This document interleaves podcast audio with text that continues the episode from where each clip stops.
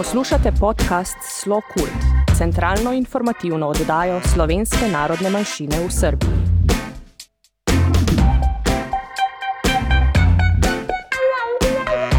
Dragi poslušalci, dober dan.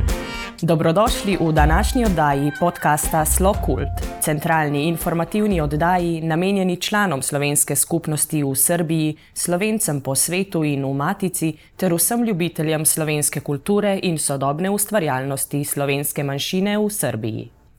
V oddajah obravnavamo aktualne teme iz Srbije in Slovenije, napovedujemo pomembne kulturne dogodke in se z gosti pogovarjamo o vsem, kar povezuje Slovence v Srbiji, domovini in po svetu. Najprej vam bomo posredovali aktualne informacije, ki se nanašajo na trenutno situacijo v Sloveniji, na potovanja in pogoje za prehajanje meja, in ki jih za nas vselej ljubeznivo priskrbi konzul pri veleposlaništvu Republike Slovenije v Beogradu, gospod Primoš Križaj.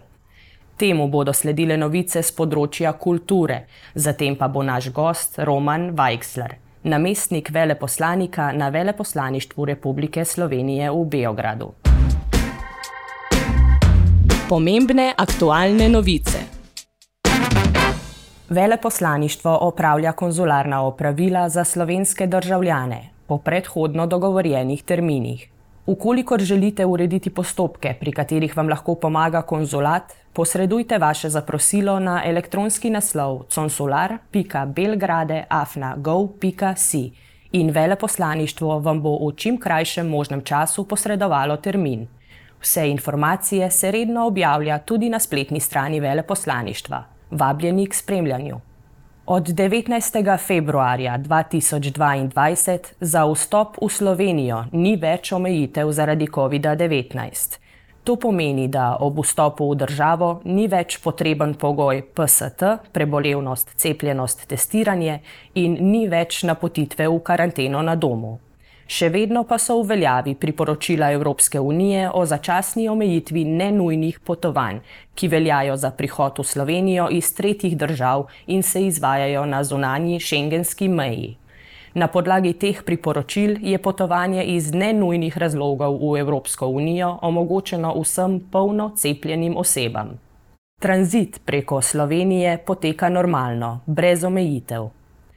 Po naših podatkih je tudi tranzit čez Hrvaško in Mačarsko mogoč, če potnik izkaže namen potovanja in potrdilo, da mu bo omogočen vstop v ciljno državo. Letališča v Sloveniji in Srbiji obratujejo, potrebno pa je upoštevati vsa navodila in varnostne ukrepe, ki so jih sprejeli na letališčih za zagotavljanje varnosti. Srbija je 3. maja 2022 ukinila vse omejitve glede vstopa v državo, ki so nastale kot posledica širitve bolezni COVID-19. Priporočilo o nošenju mask v zaprtih prostorih še vedno velja, medtem ko je nošenje mask v zdravstvenih ustanovah obvezno. Kultura. Delegacija OEPS-a v Srbiji je bila 4. maja 2022 na obisku pri Nacionalnem svetu slovenske narodne manjšine v Srbiji. V delegaciji so bili poleg njegove ekscelence gospoda Jana Bratua, ambasadorja OEPS-a, tudi Stefan Nunar, šef za politiko in koordinacijo, Zuzana Pavlikova, višja svetovalka za narodne manjšine, Milica Rodič, državna uslužbenka na projektu, ter Nada Kojadinovič, prevajalka. Goste iz Organizacije za varnost in sodelovanje v Evropi so na terazijah v Beogradu sprejeli Saša Verbič, predsednik nacionalnega sveta, Maja Đukanovič, namestnica predsednika ter predsednica odbora za izobraževanje, Saša Radič, predsednik izvršnega odbora nacionalnega sveta, Dragomir Zupanc, predsednik odbora za kulturo in Dino Dolničar, predsednik odbora za informiranje. Po besedah gospoda Bratua je bil namen njegovega obiska, da bi se seznanil z delom Nacionalnega sveta slovenske narodne manjšine in prisluhnil razpoloženju v zvezi s popisom prebivalstva ter volitvami za nove nacionalne svete. Verbič je ambasadorja seznanil z osnovnimi podatki v zvezi s slovensko skupnostjo, ki živi v Srbiji, z njeno številčnostjo ter razširjenostjo, pa o delu nacionalnega sveta na področju ohranjanja nacionalne identitete, jezika ter slovenske kulture. O pouku slovenskega jezika in nasploh o izobraževanju je spregovorila profesorica dr. Maja Djukanovič o medijski zastopanosti slovenske skupnosti v Srbiji, o spletnem portalu Slokult Info, videogaleriji in radio podkastu je spregovoril Dino Dolničar. O promotivnem filmu za kampanjo v zvezi s popisom prebivalstva je več povedal Dragomir Zupanc, za zaključek pa je o popisu prebivalstva spregovoril še Saša Radič. V sredo 11. maja je v Beogradu potekalo slovesno praznovanje ob 115. obletnici prvega tečaja slovenskega jezika in 15. obletnici ustanovitve lektorata za slovenščino na oddelku za splošno jezikoslovje v Beogradu. Zbrane v sejni dvorani Filološke fakultete so nagovorili redna profesorica dr.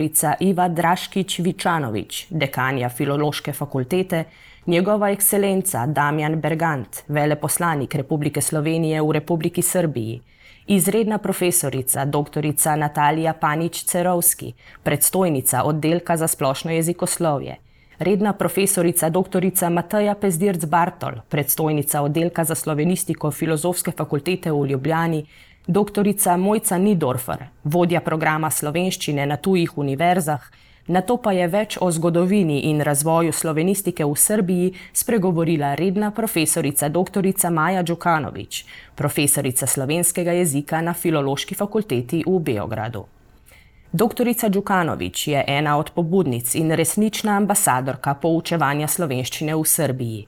Zato nam je še posebej v veselje, da ji lahko iskreno čestitamo ob priznanju, ki ga je ob tej priložnosti podelila Republika Slovenija in se ji na ta način na najvišji ravni zahvalila za vse trud in velike uspehe na njeni poklicni poti.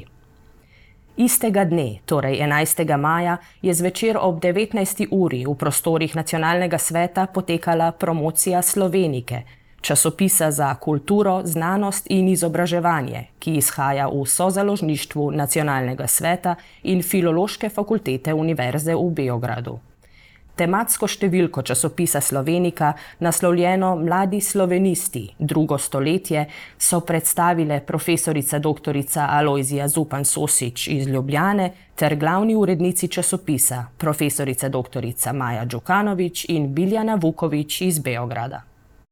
Ob 150-letnici rojstva slovenskega arhitekta Jožeta Plečnika vas Veleposlaništvo Republike Slovenije v sodelovanju z Veleposlaništvom Češke republike, Avstrijskim kulturnim forumom, Društvom Slovencev Sava v Beogradu ter frančiškanskim samostanom Sveti Anton Padovanski ljudno vabi na orgelski in klavirski koncert profesorja Daliborja Miklavčiča z Akademije za glasbo iz Ljubljane ter na ogled razstave Plečnikovih del. Koncert in otvoritev razstave bosta v sredo, 18. maja 2022 ob 19. uri v Plečnikovi cerkvi Sveti Anton Padovanski v Beogradu. Obveščamo vas, da Društvo Pletršnikova domačija Pišece letos ponovno organizira bivanje slovenskih skupin oziroma družin, ki živijo izven domovine, ter bivanje mladih slovencev, ki živijo izven domovine in že študirajo v Sloveniji, ali pa jih zanima nadaljevanje študija na eni od slovenskih univerz. Poglejte si spletno stran pletršnikova domačija.si. Več informacij lahko dobite tudi na spletni strani Društva Sava. V Društvu Sava pouk slovenskega jezika pri učiteljici Tatjani Bukvič poteka redno po predvidenem urniku, Pisarna Društva Sava pa je za administrativne zadeve za svoje člane odprta ob sredah med 18. in 20. uro na beograjskem naslovu Terazije 3. Vse zainteresirane člane, ki bi želeli sodelovati pri pisanju člankov za bilten Društva Sava, vabimo, da pošljajo krajši članek, dolg do ene A4 strani in sicer do 20. maja 2022 na naslov Društvo Sava Afna gmail.com. Vsi poslušalci ste, kot vselej, vabljeni, da sodelujete pri vsebinskem bogatenju naše oddaje. Ukolikor naletite na zanimive in pomembne informacije glede kulturnih in drugih dogodkov slovenske skupnosti v Srbiji in v Matici, nam to sporočite na elektronsko pošto redakcija afna.slokult.info. Intervju. Kot smo že napovedali, je danes naš gost Roman Weichsler, namestnik veleposlanika pri Veleposlaništvu Republike Slovenije v Beogradu. Roman, skoraj dve leti je, odkar sva se zadnjič srečala takole za ja. mikrofoni. Se spomniš? Res je, ja, ja seveda imam prijetne spomine na, na prvo uh, srečanje, ki ni bilo najno prvo srečanje, ampak prvo srečanje v okviru uh, podcasta. Ja. Tako. No, ko so pri spominih, uh, moji sodelavci so mi iz arhiva pomagali izbrskati prav ta najn pogovor, kjer sem te napovedala takole. Danes je z nami torej Roman in tako dalje, namestnik, bivši ekonomski svetovalec na Češkem in Slovaškem ter kulturni ataše slovenskega veleposlaništva na Hrvaškem. Uspešen diplomat, kozmopolit, na prvi pogled pa, če smem tako sproščeno, energičen mož značilne višine in prepoznavnega širokega nasmeha. Lahko takoj na začetku povem, da se pravzaprav nič ni spremenilo. Zrasel nisi, nasmeh pa je še vedno tu in če je le mogoče, samo še bolj širok. Kako ti uspeva uh, nekako zbrati in obdržati to tvojo energičnost in dobro voljo, s katero se imamo veselje pogosto srečevati? Ja, krasno, najprej hvala za, za, za te besede. Me veseli, da me nasmeh še ni zapustil. Ja, verjetno je od, eden od eh, velikih razlogov za tale moj nasmeh tudi okolje, v katerem delujem. Uh, se pravi, eno je domače okolje, uh, na prvem mestu potem je okolje uh, znotraj veleposlaništva, kjer moram reči, da uh, se je ustvarila ena uh, dobra energija, imamo eno čudovito ekipo in so tudi rezultati temu primerni. Uh, potem pa je še tretje okolje, to je okolje, v katerem delujem, se pravi, sam Beograd in Srbija, kjer sem uh, uspel tekom mojega petletnega službovanja spoznati veliko čudovitih ljudi. Uh, eden ali pa ena od teh mi sedi trenutno nasproti. Tako da v bistvu razlogov za to, uh, zakaj bi uh, človek nosil tak nasmeh, kot ga po tvoje jaz, je, je, je več kot dovolj. Tako da um, tukaj jih gre iskati, no, predvsem. No, čeprav sem Roman malo prej rekla, da se nič od navedenega ni spremenilo, pa se vendarle nekaj bo in to zelo kmalo. Od nas se namreč kmalo poslavljaš. Ja, to je res, zdaj ti si to v bistvu omenila, da se sliši, kot da bom eh, zapustil ta svet. Ne, ja, Občasno, mislim, nekateri upam, se tako da, počutimo. Ja, upam, upam, da še ne, da, da, da me čaka še kaj uh, prijetnega, no, tudi napornega, verjetno in, in v osebnem in delovnem smislu. Ampak ja, dejansko zaključujem petletni mandat. Uh, že uh, pet let je kar eh, dolga doba tudi za diplomate. Običajen mandat v slovenski diplomaciji je štiri leta.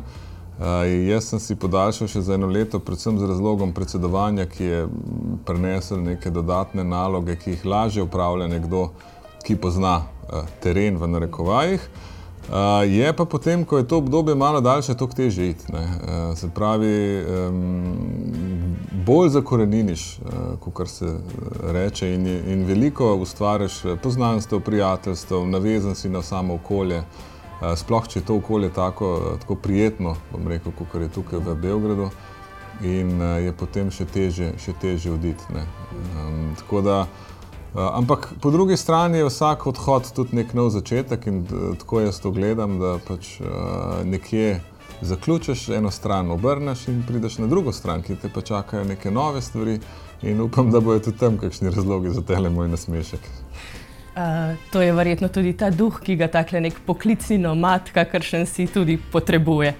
Uh, kam pravzaprav, pravzaprav odhajaš? Kaj te tam čaka? Ja, to je dobro vprašanje. E, najverjetneje, pa zdaj ne bom trdil 100%, da me ne bo kdo za besedo prijel, bom eh, šel nazaj v Ljubljano za nekaj časa, v centralo. E, kaj točno bom tam počel, še ne vem, ker v Ljubljani so bile pred kratkim volitve in e, veliko ljudi v vodstvu ministrstva se bo zamenjalo, določeni ljudje, ki so upravljali funkcije, bojo šli na mesto. Eh, bojo šli v tujino, ker to je pač um, normalna stvar v diplomatskem poklicu. E, tako da bo trajalo še nekaj časa, dokler se tam vzpostavi struktura in potem se razdelijo tudi te, te naloge. Je pa v diplomaciji tako, se pravi, na 4-5 let se zamenja poklic dejansko, ker začneš ukvarjati ponavadi z nekimi popolnoma drugimi zadevami kot recimo sem jih eh, konkretno jaz zdaj tukaj počel v Beogradu in je to vedno svoj vrsten izziv. Tako da ne glede na to, eh, kaj bom počel ob, ob vrnitvi, eh, bo to nek nov začetek za mene. No. Me veseli, da si to omenil, zato ker sem pravzaprav hotela vprašati, kot diplomat, ali opravljaš neke vrste dela, ki ga nosiš s seboj in se delo kot takšno pravzaprav ne spreminja, glede na mesto, kjer ga upravljaš. Ali pa se da izpostaviti neke značilnosti delovanja diplomata, ki so povezane dejansko z lokacijo. In ali bi lahko rekel kakšno besedo morda o tvojem delu uh, tukaj, v Srbiji, v Beogradu? Ja, v bistvu je to kombinacija. Ne? Diplomatsko delo si uh, mogoče neki lajki malo teže predstavljajo kot tisti, ki v njemu delamo Zagotovo. in živimo. Ne?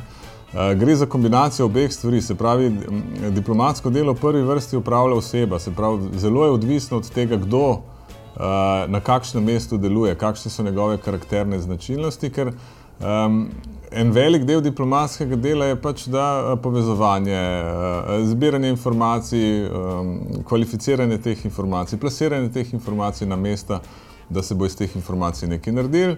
Zdaj, ali gre za konkretne projekte, ali gre za oblikovanje politik, ali gre za pač eh, delovanje na področju gospodarstva, ali mogoče za kakšne kulturne stvari. V glavnem, to eh, diplomatsko delo je zelo, zelo široko in zelo, zelo raznoliko. Tako da, um, po eni strani, ne glede na to, v katerem mestu deluješ kot diplomat, te svoje osebne značilnosti nosiš s seboj in te v bistvu bojo definirale. Na nek način to svoje delo, ki ga upravljaš, na drugi strani pa jasno, ni vseeno, ali delaš na veleposlaništvu v Beogradu, kjer imajo ta Srbija in Slovenija res ogromno povezav in je veliko stvari na različnih področjih, ki jih je treba spremljati, eh, spodbujati, um, mogoče tudi paziti, kdaj na kakšne politične stvari, ki so lahko delikatne, zato ker je pač ta, ta politična prepletenost iz nekih zgodovinskih in aktualnih razlogov tako bogata. Ali pa če službuješ mogoče v kakšni bolj oddaljeni državi, kjer pa ni toliko uh, intenzivnih stikov in mogoče je v prvem mestu, v prvi vrsti bolj pomembno, da Slovenijo promoviraš kot državo ali pa kot neko destinacijo, da se probaš izpostaviti tako, da bo država, gostiteljica, imela predstavo, odkot ti prihajaš in kaj ta država je in zakaj bi bilo zanimivo s to državo sodelovati. Tako da to, to v bistvu gre za neko kombinacijo, zdaj pa v Ljubljani. Je pa še tretji sklop diplomatskih aktivnosti, kjer se pa oblikujejo te politike in se vsa, vse te v bistvu informacije, predlogi, eh, slike, ki jih pošilja določeno veleposlaništvo, potem ovrednotijo in se na podlagi tega delajo pač neke politike. Da, je pa, tam je pa mogoče bolj eh, nek analitično-strateški pristop in, in pa v, kraj, eh, v najvišjih instancah politični. Zdaj ne vem, upam, da sem to uspel tako razložiti, da si bodo ljudje lahko predstavljali. Si širiš mi in nam obzorja. Ja, ja. Ampak hotela sem vprašati, eh, ravno to, tu v Srbiji si omenil, da je to delovanje, sodelovanje med državno zelo, zelo živahno in razpredeno na zelo različna področja. Kako bi, bi se vendarle dalo povzeti, kako si boš nekako najbolj zapolnil svoje poklicno delovanje v teh zadnjih dveh letih, oziroma že več? Um, Ali bi lahko recimo tu potegnil neko specifiko, kako je bilo delovati tu, kaj je bil morda največji izziv in kaj morda neke vrste bonus, lepota? ja, eh, zdaj, če, če, kot sem omenil, ne, Slovenija in Srbija imata res bogato eh, sodelovanje. To je eh, na vseh področjih, politično, gospodarsko, kulturno, znanstveno, izobraževalno. Medčloveški odnosi, povezanost. Tako da res tega je Tega je uh, zelo veliko, uh, tudi konzularnih upravil povezanih z recimo slovensko skupnostjo tukaj v Srbiji ali pa z uh, Srbi, ki uh, mogoče vidijo neko svojo ekonomsko prihodnost v Sloveniji. Tako da dejansko je res tega veliko. Zdaj, kar lahko izpostavim, je mogoče nekaj, kar je najbolj, um, najbolj intenzivno delo za vsako veleposlaništvo, je, to so obiski. Ne? Zato, ker dejansko obiskov eh, v Srbiji je, je res ogromno. Jaz sam sem doživel, zdaj bi mogel na hitro presedeti, ampak sigurno eh, pet obiskov strani predsednika vlade, pe, štiri sigurno strani predsednika države. In to je neko obdobje, kjer je ambasada, bom rekel, v nekem obsedenem stanju, zato, oziroma, ja, no, obsedeno, mogoče ni najboljši način, ker smo malo bolj organizirani, ampak dejansko zelo intenzivno obdobje. In eh, takrat, ker pred obiskom se pripravlja obisk tako z vsebinskega pogleda, kot z logističnega pogleda, kot za program, program se sestavlja. Eh, najbolj intenzivno je seveda ob samem obisku, ker je ogromno in pogovorov in različnih eh, programskih vsebin, ki jih more pač ambasada, oziroma za katere je najbolj odgovorna ambasada. Potem pa po zaključku obiska, pa seveda še, je, je treba še poročila in pa, in pa to vse skupaj vrednotiti. In pa kar je najbolj pomembno, narediti nek follow-up, se pravi, kaj smo z obiskom uh, dosegli in kaj bojo zdaj ti naši koraki naprej, da bomo realizirali določene predloge, določene uh, cilje, ki smo jih v bistvu identificirali ob samem obisku. Zato, ker zato, v bistvu, to, je, to je največji namen uh, teh, uh, teh uh, stvari. Zdaj, jaz, ki sem bil tukaj namestnik, sem imel to čast ali pa mogoče to neko nalogo, ki ni vedno hvaležna, da uh, ob odsotnosti ambasadorja sem bil pač odpravnik poslov. Ja. In ravno, seveda, ob tem času sem imel tako obisk predsednika, kot skupno sejo vlad. Tako, tako da, v bistvu je z neko manjšo ekipo smo uspeli še vse to realizirati, in to mi je v bistvu ostalo mogoče v najbolj takem delovnem spominu. Kot neke vrste uh, zmaga, da smo, uspeli, da smo uspeli to realizirati, in da smo uh, ostali tudi kot ekipa, uh, ne, ker to so neke izredne razmere, kjer smo vsi bom rekel, malo bolj napeti, ampak smo uspeli uh, to prebroditi kot, kot ekipa in to, smo, to nas je v bistvu samo še bolj povezalo. Tako da to mi je nekaj, kar je, kar je zelo fajn. Zdaj, če grem pa še na tisto drugi del vprašanja, na te prijetne stvari, je, teh je pa res, res, res veliko. V Srbiji zdaj ne smemo mogoče preveč razlagati, da ne bodo v Ljubljani mislili, da, da se samo to, da samo to dejam, ampak dejansko je velikrat, ko greš tukaj se pogovarjati z ljudmi, Uh, ali greš v neko prijetno okolje, mogoče neko restauracijo. Uh, pogovori so zelo sproščeni, uh, ljudje so odprti, vsi vejo, odkot prihajaš. Ne, rab, uh, ne rabiš razlagati, uh, kdo si, kaj je pomen, tvoj pomen tukaj v, v Srbiji. In to je, to je res zelo hvaležno za, za vsakega diplomata, ker se na ta način dosti lažje pride do nekih ali informacij ali nekih projektov, kot če moraš vedno to od začetka pač vsa, vsaka vrata probati odpreti. Mm -hmm neke vrste človeški faktor je tako, na delu. Tako, ja, uh -huh. ja, ja, definitivno. Lepo, zdaj smo pa službenega nekako že spontano začela prehajati A, fino, na, fino. na zabavni del. ne, še bova skočila nazaj, pa vendar. V Beogradu si sedaj praktično reč že domačin. Kako si se znašel ti in kako ste se znašli s tvojo družinico, ker kot, eh, kot smo povedali že pred dvemi leti, so ustvarjaš svoj dom eh, s petimi čudovitimi dekleti oziroma ženami. Kako ste se znašli, ali ste spregovorili srpsko, kaj boste najbolj pogrešali? Ja, to je zdaj vprašanje. Zdaj, če bi jaz vprašal uh, uh, dotične, ki si jih omenil, se pravi, pet, uh, kako bi rekel, uh, pet članic uh, moje družine, uh, verjetno bi dobili pet različnih odgovorov, pa vsaj štiri, pa zigur, zagotovo. Ne. Mi imamo gostje za če 14. Ja.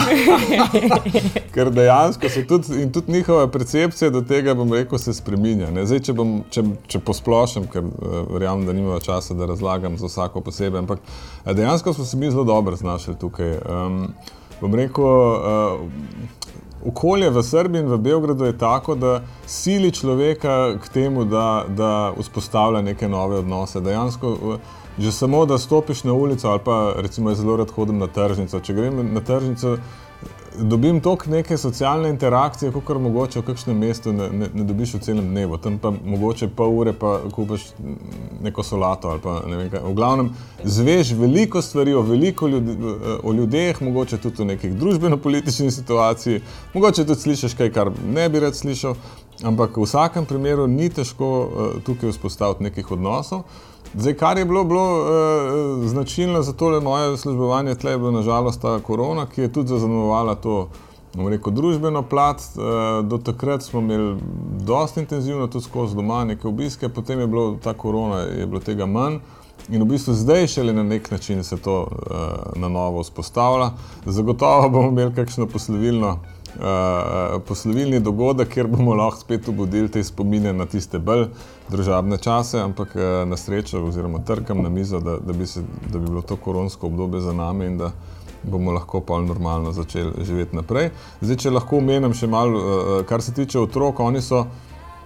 Otroci so se zelo uh, upeli v, v to nek sistem šol, sicer je to mednarodne šole, več ali manj, ampak uh, kako bom rekel, kar je dobro z enega vidika, mogoče z drugega malo manj, eh, veliko otrok v šoli je eh, dejansko srbo. Se pravi, to, to so otroci, ki eh, ne prihajajo iz nekih mednarodnih okolij, oziroma niso otroci ekspetov, kot mi rečemo, oziroma z domcev po slovensko.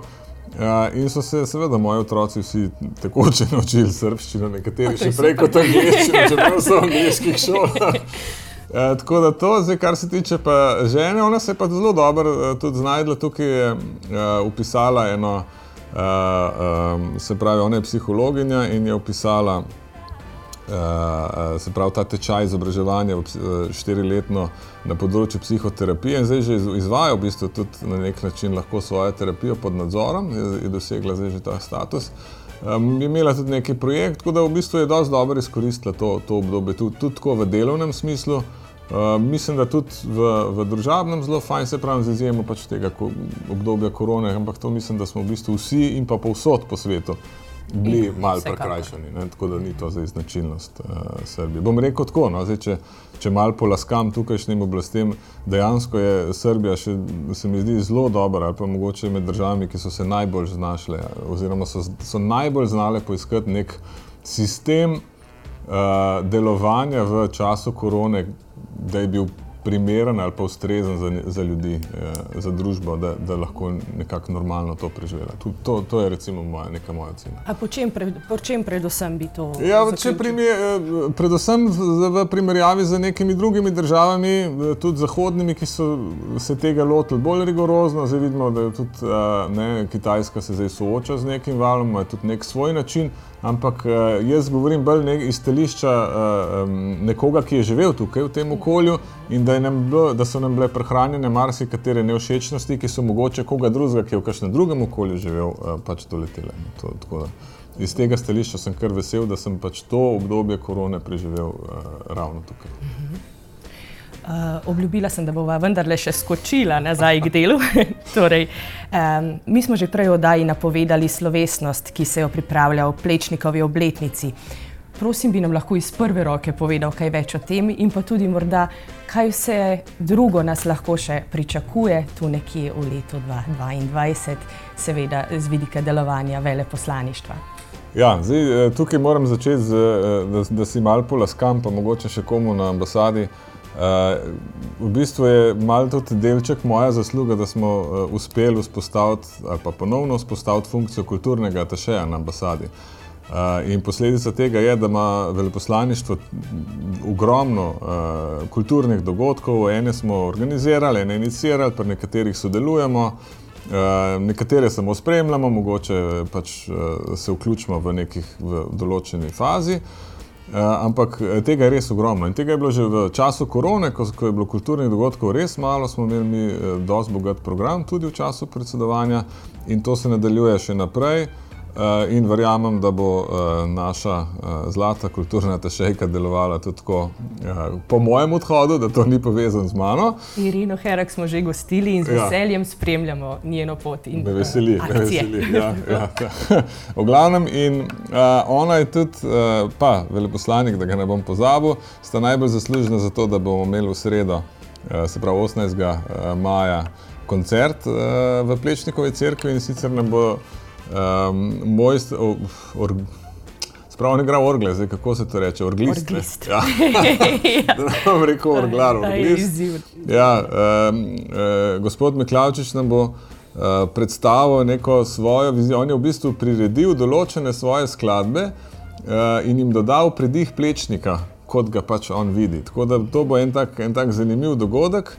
Um, in eden večjih, recimo, dogodkov, ki ga pač pripravlja uh, ambasada. Zdaj, lahko jih še par izpostavim, ne vem, koliko imamo časa. Prosim. Do konca mojega mandata, recimo, bomo imeli samo dva dni kasneje, 20. maja, bomo obeležili Svetovni dan čebel. Uh, to je inicijativa, ki je v bistvu sprožila Slovenija, na kar sem kar ponosen. Uh, in je bila zelo dobro sprejeta strani drugih držav, in na koncu je v bistvu uh, so Združeni narodi sprejeli 20. maj kot mednarodni oziroma svetovni dan čebel in ga bomo obeležili z dogodkom v uh, Silosih na Dorčelu. Uh, in ste tudi vsi, v bistvu poslušalci in pa vsi člani društva Sava, so, so vljudno vabljeni. Nekaj bomo imeli tudi v Dečjem, kultur, Dečjem kulturnem centru, se pravi, da, da izobražujemo tudi mlade, da je, gre čisto enostavno, da, da se jim predstavi pomen čebel, oziroma z, pomen čebel z vidika ohranjanja okolja, ker dobiš potem tudi neko čisto drugo dimenzijo o tem. Se pravi, ne gre samo za čebele, gre za to, da je potrebno uh, vedno bolj pogosto glede na naš človeški razvoj, vedno bolj pogosto opozarjati na to, kako je pomembno, da mi okolje ohranimo ne samo do konca našega službovanja v državi, mogoče življenja, ne, pa mogoče generacije, ampak do konca uh, uh, vseh generacij, se pravi za prihodne generacije. Da to, eh, potem bomo imeli eh, razstavo prihodnost bivanja, to je v bistvu dolg ambasade še od lanskega leta, ki ga nismo uspeli realizirati zaradi korone. In je zelo zanimiv projekt, ker smo gostili tri skupine slovenskih in srpskih umetnikov in so ustvarjali na temo prihodnosti bivanja oziroma skupne prihodnosti v Evropski uniji, kjer mi dejansko vidimo, da uh, tudi prihodnost Srbije in upamo, da se bo to realizirali čim prej. In oni so v bistvu na to temo ustvarjali neka umetniška dela v treh kolonijah v lanskem letu in ta dela bomo zdaj razstavili. E, to bo 31. maja. E, potem je pa še en zelo, zelo zanimiv projekt in e, sicer bomo postavili spominsko klopco Edvardu Rusjanu v novo urejenem delu linijskega, tako imenovanega linijskega parka v Beogradu, to je zraven Betonhale. In uh, tam, v bistvu v bližini, kjer je nesrečno padel njegov uh, avion, in uh, ta klopca bo, verjamem, en dodaten simbol tega slovensko-srpskega uh, prijateljstva in bo tudi v ponos vsem uh, slovencem, ki obiskujejo Beograd, oziroma ki bodo obiskali Beograd. Eh, pa hkrati bo tudi pač nek spomin na en zelo zanimiv, pa verjetno edinstven dogodek, ki se je pač zgodil v Beogradu. Uh, aha, potem je pa Irena posebej naročila, da ne smem pozabiti na razstavo sodobne slovenske grafike v Nišu, ki bo 15. junija. Evo, Irena, sem izpolnila svojo obljubo, jaz upam, da so ljudje slišali. Tako da to je pa še, en, to je pa še ena razstava, ki jo pripravljamo do konca. Pol pa upam, da bom počasi zaključil. O, o, tole je bilo odlično. Upam, da so naši poslušalci uspeli zabeležiti kakšen datum ali dva. Vsekakor pa bomo o vsem, o vsem tem še obveščali tako v naših oddajah kot na spletnih straneh. Um, Roman, precej smo že rekli o odnosih med Srbijo in Slovenijo, vse, kar si uspel videti in spoznati v času tvojega delovanja. Izpostavila smo predvsem, da obstajajo močne prakse, dobra komunikacija, dobri zanosi za leti. A bi vendarle lahko morda izpostavil tudi kakšno področje, kjer bi pa te naše skupne moči bilo mogoče ali bilo celo potrebno vendarle še nekoliko okrepiti? Morda imaš tudi idejo, kako.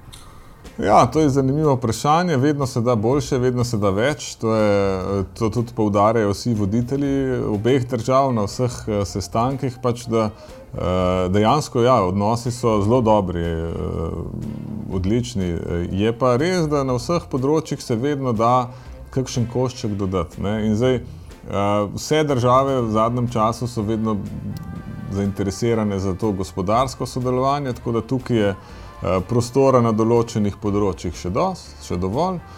Eh, potem imamo recimo na sodelovanju na področju kulture, vidimo, da je res izjemno bogato, ampak veliko tega gre mimo nas. Zdaj uspemo kot veleposlaništvo poloviti, no, če damo na rekovaj, več kot smo prej. In uh, zelo pomembno je, da se naredi um, sinergija, se pravi, da vsi elementi, ki lahko vplivajo na nek uspešen kulturni projekt, ali slovenski projekt tukaj, ali pa srpski v Sloveniji, ker gre pač tu, tukaj so neki, neki vzajemni uh, učinki, da dejansko te elementi so seznanjeni in da, da sodelujejo in potem vsi nek, te kulturni projekti dobijo nove dimenzije in so bolj um, in bolj uh, recimo, medijsko izpostavljeni ali pa javnosti izpostavljeni, boljše obiskani in pa tudi boljše realizirani. Tako da tukaj v bistvu vidim, da je še, še za to neko institucionalizacijo, če temu rečem, se pravi ne, da da zdaj neka institucija prevzame vodilno vlogo v projektu, ampak da se samo priključijo mogoče v neki fazi. Res kot povezovanje, kot Tako, komunikacija. Kot obveščanje. komunikacija, obveščanje ali pa mogoče, da se, da se udeleži kakšen ne, uh -huh. uh, predstavnik določene institucije ali države ali da, mogoče, da se doda neka dodana vrednost, zraven se naredi mogoče samo neka, nek sprejem ali kakorkoli, v glavnem, da, da se vključijo neki dejavniki, ki po nekih normalnih kanalih izpadejo iz tega. Ja, če pa, dejav, če pa sodelujemo, recimo mi kot ambasada ali pa mogoče kakšna druga institucija, se pa te dejavniki lahko vključijo in to je za sam projekt na končni fazi zelo pomembno. Danes vidimo, če, če nekih projekti niso vidni, je kot da se niso zgodili. Dejansko. Tako je, tako. Projektov ali pa kulturnih dogodkov je toliko, da če jih mi ne znamo izpostaviti, če ne izplavajo na površje, smo s tem izgubili velik del smiselnosti, se pravi, same organizacije takih dogodkov. Tako da tukaj, recimo, je, zdaj, če, če lahko izpostavim, tukaj imamo še prostor na, na obeh straneh. Um, kar se tiče pa recimo politični dialog, je pa zelo dober. Tukaj imamo obiskov, je zelo veliko. Zdaj, zdaj je mečkon zamrl, zato ker se v, v obeh državah so bile volitve in pred volitvami je tega uh, manj. Uh, zdaj, ko se bodo pa spostavile vlade, jaz pričakujem, da bo Slovenija na vrsti za gostiteljstvo, da bo recimo uh, organizirana skupna seja obeh vlad. Uh, obiski se bodo verjetno zvrstili tudi iz posameznih ministrstv, mogoče tudi na najvišjih nivojih, tako da ta, mislim, da ta politični dialog uh, bo, zdaj, bo zdaj spet prišel, se pravi, po tem nekem, nekem uh, normalnem uh, zatišju, bo prišel spet v, v, v, v neko območje normalno. Tako da tukaj v bistvu ne vidim, da je tle nek, nek prostor za izboljšav. Imamo nekaj manjših vprašanj, ki so redno na mizi, ampak jih rešujemo z neko dobro voljo, malo hitrejš, malo počasneje, ampak jaz mislim, da da bomo na koncu prišli do, tudi do tega, da se bodo ta vprašanja uh, rešila. Ampak to ni nič tazga, kar bi lahko vplivalo recimo, na samo dinamiko političnega sodelovanja ali pa gospodarskega. Ne. Uh -huh, uh -huh. Zgolj neke možnosti ja. za še tako, izboljšave. Tako. Um, ali bi morda ob zaključku želel pa sporočiti tudi kaj uh, naši skupnosti, manjšinski skupnosti slovencev v Srbiji? Uh, kot smo rekli, rekla, malo se od nas poslavljaš, nezavedno, tokrat poudarja in ne tako dramatično, pa vendarle. Uh, ali imaš kaj na umu, na mislih, kakšno sporočilo? Ja, najprej moram povedati, da, da sem zelo vesel, da sem uspel sodelovati tukaj z pripadniki slovenske skupnosti, z enimi več, z enimi manj. Pač, eh, v bistvu moja narava dela ni primarno skrb za slovensko skupnost, ampak sem v bistvu z nekimi različnimi projekti ali pa uh, uh, mogoče, če smo imeli v kakšnem kraju, kakšen projekt, sem prišel tudi v stik in moram reči, da, da so izkušnje za sodelovanje za slovensko skupnost tukaj v Srbiji zelo dobre. Uh, in moram pohvaliti res in družbeno aktivnost. Uh, moram reči, da, recimo, da, je, um, da so sredstva, ki jih namenja Urad za Slovence, uh, tukaj v Srbiji zelo, zelo, zelo dobro porabljeno, da je zelo fajn, ker eh, dejansko so. Sred, ta sredstva so namenjena temu, da slovenska skupnost da se nekje ohranja in da razvija svojo kulturo. Ne? Uh, in mislim, da tukaj je tukaj tega zelo veliko. Tukaj dejansko um, obstoj slovenske kulture dejansko je odvisen od delovanja društv. In mimo tega je, je teh aktivnosti zelo malo, oziroma jaz jih tekom teh pet let uh, nisem zaznal. Uh, sama društva, bom rekel, društvo je uh, nekaj, je 16, mislim, da, da če se nisem zmotil. Vse več, vse več. Vse več ja. uh, so takšna in drugačna, aktivna, manj aktivna. Uh, ampak s tistimi, ki sem jaz imel uh, čast sodelovati, so, so zelo dobra. In uh, tudi njihove aktivnosti so zelo na visokem nivoju. Ena od teh uh, je tudi ta podcast, ki ga moram zelo pohvaliti, to je že sama ideja. Se pravi, tudi korona ni prinesla samo slabih stvari, ampak je prinesla tudi dobrih in upam, da se bo določen del teh stvari nadaljeval tudi v prihodnje. Uh, kar bi pa recimo sporočil slovenski skupnosti, je pa, da um, tukaj v Srbiji uh, dejte skrbeti za, za podmladek. To je v bistvu neki um, vst namen se pravi, vse namen tega društvenega delovanja je ohranjanje slovenske kulture. In zdaj, brez podmladka si pa težko predstavljam, da bo to možno izvesti. In uh, dejansko je treba najti načine, ki so lahko različni, ali pa uporabiti dobre prakse od kakšnega od društva. Se pravi, najti načine, kako pritegniti čim več mladih k, družben, k društveni aktivnosti. Se pravi, da se priključijo ali da naredijo svoje aktivnosti, ali da se priključijo obstoječim aktivnostim. Dejansko, da se vzgaja neko jedro, ki bo potem kasneje motor nekega družbenega delovanja. Se pravi, da naredimo nek perpetuum mobile in da s tem zagotovimo, da bo, da bo, da bo slovenska kultura tukaj obstala. Ker eh, ne, to, to izvedno poudarjam in to je res. Ne, vi, eh, kot pripadniki slovenske skupnosti v Srbiji, bogatite dve kulture, in srpsko in slovensko. In je to v bistvu že z tega stališča toliko bolj pomembno. Ne. To je v bistvu neka odgovornost, ki jo nosi družba tukaj. Res je, res je. Uh, čeprav sem tako nekako napovedala, da je to tvoj zadnji nagovor, vendar si se dotaknil teme in moram vprašati, imaš kakšno idejo, to, kar si rekel o mladih?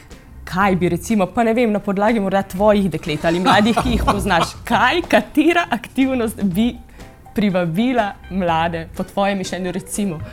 Da bi res prišli, da bi se res družili, da bi se pojavili v naših prostorih, da bi ja, videli nekaj za sebe v tem, predvsem to, da bi oni videli nekaj. Ja, ja to, je, to je vredno vprašanje za milijon dolarjev. Jaz tako.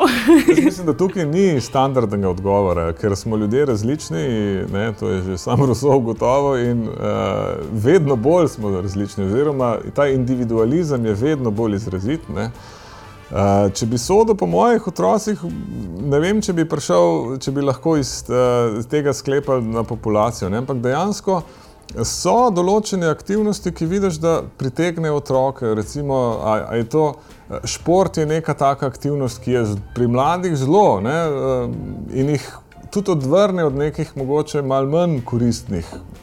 Ne? Aktivnosti, ki jih mladi danes izvajo. Ne. Mislim seveda na te eh, gadžete, kot popularno imenujemo. Eh, v glavnem, to recimo je nekaj, ali pa eh, da se, da se eh, mogoče pa tudi to, da, da se vključite elektronske naprave in da se skozi to neko družbeno, ne vem, eh, eh težko si predstavljam res, ampak Eh, nekaj, v čemer bodo oni videli uh, smisel in da bodo videli smisel tega, da imajo neko dodatno, ker jasno za njih je to neka dodatna obveznost. Imajo, ne, mi, mi kot starši, da smo do otrok, po eni strani smo zelo zaščitniški, ne, po drugi strani smo pa zelo zahtevni, zato ker jim skušamo usiliti. Ogromno število nekih aktivnosti, kjer bojo oni lahko izpopolnili ali pa najdel neke svoje talente. Ne. Uh, in um, da bi med temi aktivnostmi daljše eh, neke družbene aktivnosti, eh, je treba res jim usmisliti, da imajo oni to željo, da se pravi, da si sami želijo, ne? ker težko jih bodo starši prepričali, recimo, recimo to. Vsaj po mojem, jaz vidim po, poseb, če sodim. Se pravi, oni, treba jim je nekaj ponuditi, da bojo oni sami videli smisel v tem. Zdaj pa verjetno je to od društva do društva različno, ne? ker imajo tudi društva različne možnosti. Uh, ampak ja, šport, potovanja, uh, druženje, ne vem, uh, te stvari. Zdaj, zdaj če, bomo, če pa, boste priredili nek klasičen ples, pa to je pa vprašanje. Ja. pa, pevski zbor, ne vem, ne, pač vprašanje je ne, različno, ampak dejansko je treba iskati med stvarmi, ki zanimajo današnjo mladino in uh, mogoče malo manj razmišljati o tem, kaj je, kaj je zanimalo nas mm -hmm. ali pa mogoče še kakšne generacije pred nami, ko so bili oni mladi, ker se je svet dejansko spremenil. Mm. Roman, hvala ti. Dve leti nazaj, veš, sem ti ob zaključku pogovora menda rekla nekaj takega. želim, ti, pazi, želim ti prelepo, sproščeno in predvsem zdravo poletje in se veselim naših nadaljnih sodelovanj. Ker je poletje res pred nami, v življenju pa je polno presenečen, ne bom ničesar spremenjala. Bi pa izkoristila res priložnost, da se ti v imenu, v svojem imenu, v imenu redakcije in v imenu celotne naše skupnosti iz srca zahvalim za vso podporo in nesebično delo v preteklih letih. Moram reči, da je v čast in veselje sodelovati s tako sposobnimi in pozitivnimi ljudmi kot si ti. Oh, hvala, zdaj se mi je kar ganilo malo. Tako da uh, moram jaz nazaj pohvaliti, se pravi, društvo Sava je res skodil tisto skupino društva, o kateri sem prej govoril, se pravi, zelo aktivna. Um, res sem pozitivno presenečen nad tem, kaj, vse kakšne ideje prihajajo in tudi uh, stvari, ki se ki se dogaja v okviru društva Sava in, in moram reči, sam, sam tako naprej. Ne dvomim, da boste uspeli tudi najti tisto čarobno formulo za privabljanje mladih generacij. In pa se veselim, eh, da bi ob prihodnem obisku Beograda, ker bom tukaj seveda prišel eh, v privatni režiji, ne, da ne bo pomote, da imam kakšne druge načrte v privatni režiji, ampak eh, zagotovo uh, bi želel tudi eh, priti sem, recimo v društvo, ali pa vsaj videti kakšnega od članov, da se malo pomenimo in da vidimo, kaj se dogaja. Vedno, vedno toplo vabljen. To upam, da veš. Hvala. hvala.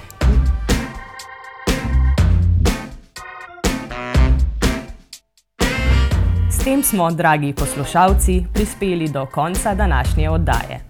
Naš podcast lahko spremljate na vseh relevantnih portalih in na spletni strani slokult.info. Z vami sem bila Tanja Tomazin. Za tehnično izvedbo je poskrbel mojster Dino Dolničar. Našo redakcijo ključno dopolnjujeta še Ivana Mandič in Saša Verbič. Hvala za vašo pozornost, malo naslišanje in srečno!